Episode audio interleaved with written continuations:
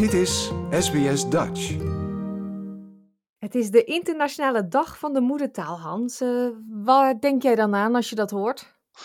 Dan denk ik aan, uh, aan tweetaligheid in, uh, in Australië en Nederlandse kinderen en de Nederlandse school hier en aan het onderzoek dat we de afgelopen jaren gedaan hebben naar taalontwikkeling van, van kinderen hier in Sydney en uh, hoe in Nederland zich ontwikkelt. Ja, ik heb jullie uh, een paar jaar geleden gesproken. Hè? Je deed inderdaad, was onderdeel van een team ja. wat onderzoek deed. Zijn wij Nederlanders goed in het blijven spreken van Nederlands met hun kinderen?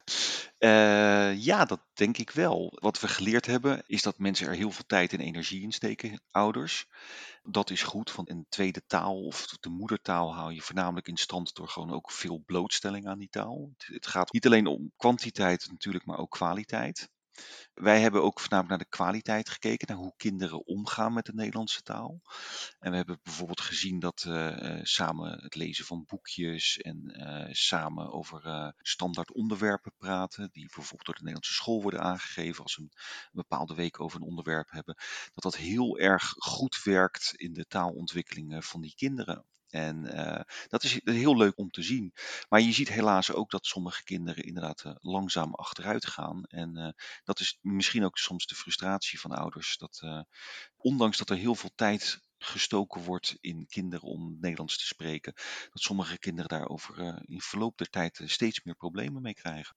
Ja, want het is niet zo dat als ze het eenmaal geleerd hebben, of omdat ze het geleerd hebben in Nederland en dat je daarna verhuisd bent, dat ze die basis hebben. Dat betekent niet dat als ze het eenmaal geleerd hebben, dat het dan zo mooi blijft. Nee, dat, dat, dat klopt. Kijk, om, om het in het mooi niet-Nederlands te zeggen, het is use it or lose it. Um, als je een taal niet gebruikt, dan ga je hem langzaam verliezen. Dat merk je natuurlijk niet alleen aan kinderen. Kijk, ik uh, doe onderzoek hier in Australië en ik zit hier nu ook al uh, sinds 2013. En naarmate ik minder Nederlands praat, wordt het voor mij af en toe ook moeilijk om. Uh, zeg maar puur Nederlands te praten. We zien dat uh, kinderen ook bijvoorbeeld heel veel Engelse woorden of Engelse grammatica principes in hun Nederlands toepassen. Waar bijvoorbeeld zeg maar, zinnen een beetje onhandig gaan klinken, omdat ze dus uh, zeg maar de Engelse grammatica in het Nederlands toepassen. Maar ook gewoon sommige woorden heel makkelijk verwisselen. En dat noem je code switching. Uh, en dat doen we eigenlijk allemaal als we een tijdje in het buitenland zitten, denk ik. Mm, ja, uh, voorbeeld is bijvoorbeeld uh, iets kijken, maar dan maken ze dan watchen van. Engels watch en kijken het einde van een werkwoord. Ja, klopt. En natuurlijk, wij hebben natuurlijk in het Nederlands op zich natuurlijk al heel veel Engelse leenwoorden. En dat maakt het ook heel makkelijk om in dat Engels te blijven hangen. Wat we ook heel leuk gezien hebben in het onderzoek wat we gedaan hebben, en dat is voornamelijk het onderzoek van, van Marit Janabi geweest, die uh, daarop gepromoveerd is afgelopen jaar, is dat zeg maar, het onderwerp wat je bespreekt heel erg van invloed is hoe vaak kinderen zeg maar, terugvallen op Engelse woorden in hun Nederlandse zin. Als je over Nederland praat, gebruiken ze veel meer Nederlandse woorden. Eigenlijk is dat ook heel erg logisch. Maar als je een onderwerp neemt wat heel erg Australisch is, en als je het gaat hebben over, over kangoeroes en over wombats, en over uh, de Nippers Club en weet ik veel wat allemaal, dan introduceer je eigenlijk al Engelse termen en dan gaan die kinderen veel meer, zeg maar, half Nederlands, half Engels praten en een veel meer gemixte taal gebruiken. Dus dat is ook ja. Was heel interessant om te zien trouwens. Was heel leuk. Ja, want dat associeer je dus ook echt met Australië. Daar heb je totaal geen Nederlandse link mee met een wombat. Nee, ja, klopt. Als je mindset ook zo'n mooi Nederlands woord. Als je, dus als je, uh, het is moeilijk hè Hans? ja, het is zo lastig dit allemaal. Nee, als je, als je, als je, uh, ja, als je mindset dus staat op, um, op Engelstalige dingen, zaken, dan is het veel makkelijker om die Engelse woorden zeg maar, in je hersenen te gebruiken. En die komen veel makkelijker naar boven. En de vraag, het, wat ook wel leuk was uit dat onderzoek, is dat als kinderen dus Engelse woorden gebruikten waar ze eigenlijk een Nederlands woord moesten gebruiken, dat na afloop maar het ook vroeg aan die kinderen van joh, wat is dat woord in het Nederlands? En ze kennen al die woorden in het Nederlands, kennen ze wel. Ze weten dus dat, uh, noemen ze een Engels woord, ze, ze kennen het Nederlandse woord wel. Ze, ze hebben de tweetaligheid.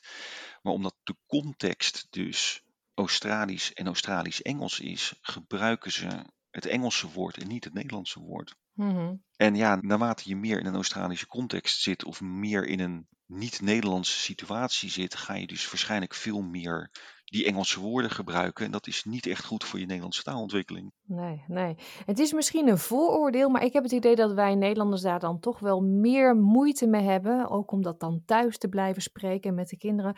Dan andere migrantengroepen. Bijvoorbeeld Chinese mensen die altijd volgens mij onderling Chinees praten. Ja, Wat misschien weer ten koste gaat van het Engels. Ja en nee. Kijk, wij hebben natuurlijk onderzoek gedaan naar Nederlandse kinderen. En we zouden heel graag dit onderzoek willen doen in andere migrantengroepen. Als je het hebt over eh, Chinees, Mandarijn of Kantonees sprekende kinderen. Ik denk dat de Kantonees in Sydney de grootste groep is. Daarvan weten we dat bijvoorbeeld kinderen tot hun vierde, vijf, vierde jaar thuis worden opgevoed, voornamelijk door oma. En alleen maar Kantonees spreken. Dus als die kinderen naar de basisschool gaan, spreken ze geen woord Engels omdat ze daar amper aan zijn blootgesteld. Maar ze pakken het wel heel snel op. Dus ze beginnen met een gigantische achterstand. Maar als een kind geen taalontwikkelingsstoornis heeft en een normale taalontwikkeling doormaakt, kunnen kinderen het heel snel oppakken als ze maar voldoende blootstelling hebben aan die nieuwe taal. Dus dat Engels komt wel goed. Ik denk wel dat in sommige migrantenfamilies, zoals je dat zegt, en dat zie ik ook aan mijn huidige vrouw, dat het veel normaler is inderdaad om thuis de moedertaal te praten. Maar het is natuurlijk ook zo dat wij Nederlanders zijn maar een kleine groep migranten in Australië. Als je in, eh, in, in West-Sydney kijkt, waar ik een tijd gewoond heb. Ik heb ik zeg altijd maar, ja, ik heb in West, rond Westmead gewoond. En ik zat in een straat waar zeg maar ruim 90% van de mensen uh, van Indiaanse afkomst waren. Dus ja, daar hoor je de hele dag Hindi en Urdu gesproken. Dus die kinderen worden ook veel meer blootgesteld aan hun moedertaal. Ja, en dan blijft hun moedertaal ook makkelijker behouden. Als je je kind één keer in de week naar de Nederlandse school stuurt met het idee van daar wordt Nederlands geleerd en thuis doen we helemaal niks, dan denk ik dat je van een hele koude kermis thuis komt. Ja. Want dat is denk ik niet voldoende. Nee. nee, nou ken ik ook gezinnen waarvan vader en moeder allebei Nederlands zijn. Kinderen zijn geboren in Nederland, die, die wonen nu een jaar of vier, vijf hier. En vader en moeder spreken Nederlands, maar ze krijgen geheid Engels antwoord terug. Ja. Wat is dat? Oeh, dat is heel moeilijk om dat uit te leggen. Dat hebben we ook gezien trouwens in het onderzoek. Uh, ik ga niet je antwoord ontwijken, maar dat hebben we ook gezien op het schoolplein, op de Nederlandse school. Als uh, halverwege de kinderen een kwartiertje pauze hebben en ze mogen buiten spelen, bijna allemaal onderling Engels praten. Ik denk dat kinderen uh, vaak niet doorhebben welke taal ze gebruiken. Wij ouderen moeten echt nadenken van ik moet Nederlands praten of ik moet Engels praten. Kinderen doen dat zo vloeiend en zo makkelijk dat ze Nederlands of Engels praten. Ze denken er niet bij. Het is hun echt volledig hun tweede natuur. En zeker als een kind een hele dag op een school Engels heeft gepraat en hun zeg maar 80% van hun, hun uh, exposure, daar gaan we weer, hun, hun blootstelling aan talen is, is Engelse taal, dan wordt het voor hen ook veel makkelijker om in het Engels antwoord te geven. Hmm. Dus ik denk dat het ook heel goed is om gewoon echt momenten in te bouwen dat je met je kind Nederlands praat. Tijdens het eten praten we Nederlands. We lezen samen een boekje op de bank in het Nederlands. Echt van die momenten dat je even gewoon heel actief en bewust gefocust met de Nederlandse taal bezig bent. Hmm. Kan je dat bij tieners nog veranderen of is dat een verloren zaak? Uh, nou, wij hebben alleen maar naar jongere kinderen gekeken en ik heb gelukkig geen tieners. Ik weet hoe ik zelf als tiener was, maar uh, ik denk dat je een hele moeilijke vraag stelt waar ik het antwoord, ja, ik moet erop schuldig blijven, maar ik denk dat dat heel lastig wordt, want tieners blijven tieners en uh, dat is niet makkelijk, denk ik. Nee. Nee, nee. nee. nee. Nou, je, je, je, deed het al. Gedurende het interview komen er toch wat Engelse woorden voorbij. Ja. Spreek jij zelf nog veel Nederlands? Ik spreek af en toe Nederlands. Ik spreek met mijn moeder via Skype Nederlands. Ik uh, heb een, uh, een Australische vrouw. Dus mijn, mijn, mijn uh, Nederlands wat ik spreek is vrij weinig. Ik heb nu in Adelaide een, Australische, een Nederlandse collega die bij fysiotherapie werkt. Dus ja, ik heb wel wat, ik spreek wel wat Nederlands, maar ik, ja, het, het, het, ik merk dat het bij mij ook achteruit gaat. Ja, ja. absoluut. Ja. Dankjewel Hans. Uh, hou ons op de hoogte van die interessante onderzoeken. Zal ik zeker doen. Dankjewel. Like, deel, geef je reactie. Volg SBS Dutch op Facebook.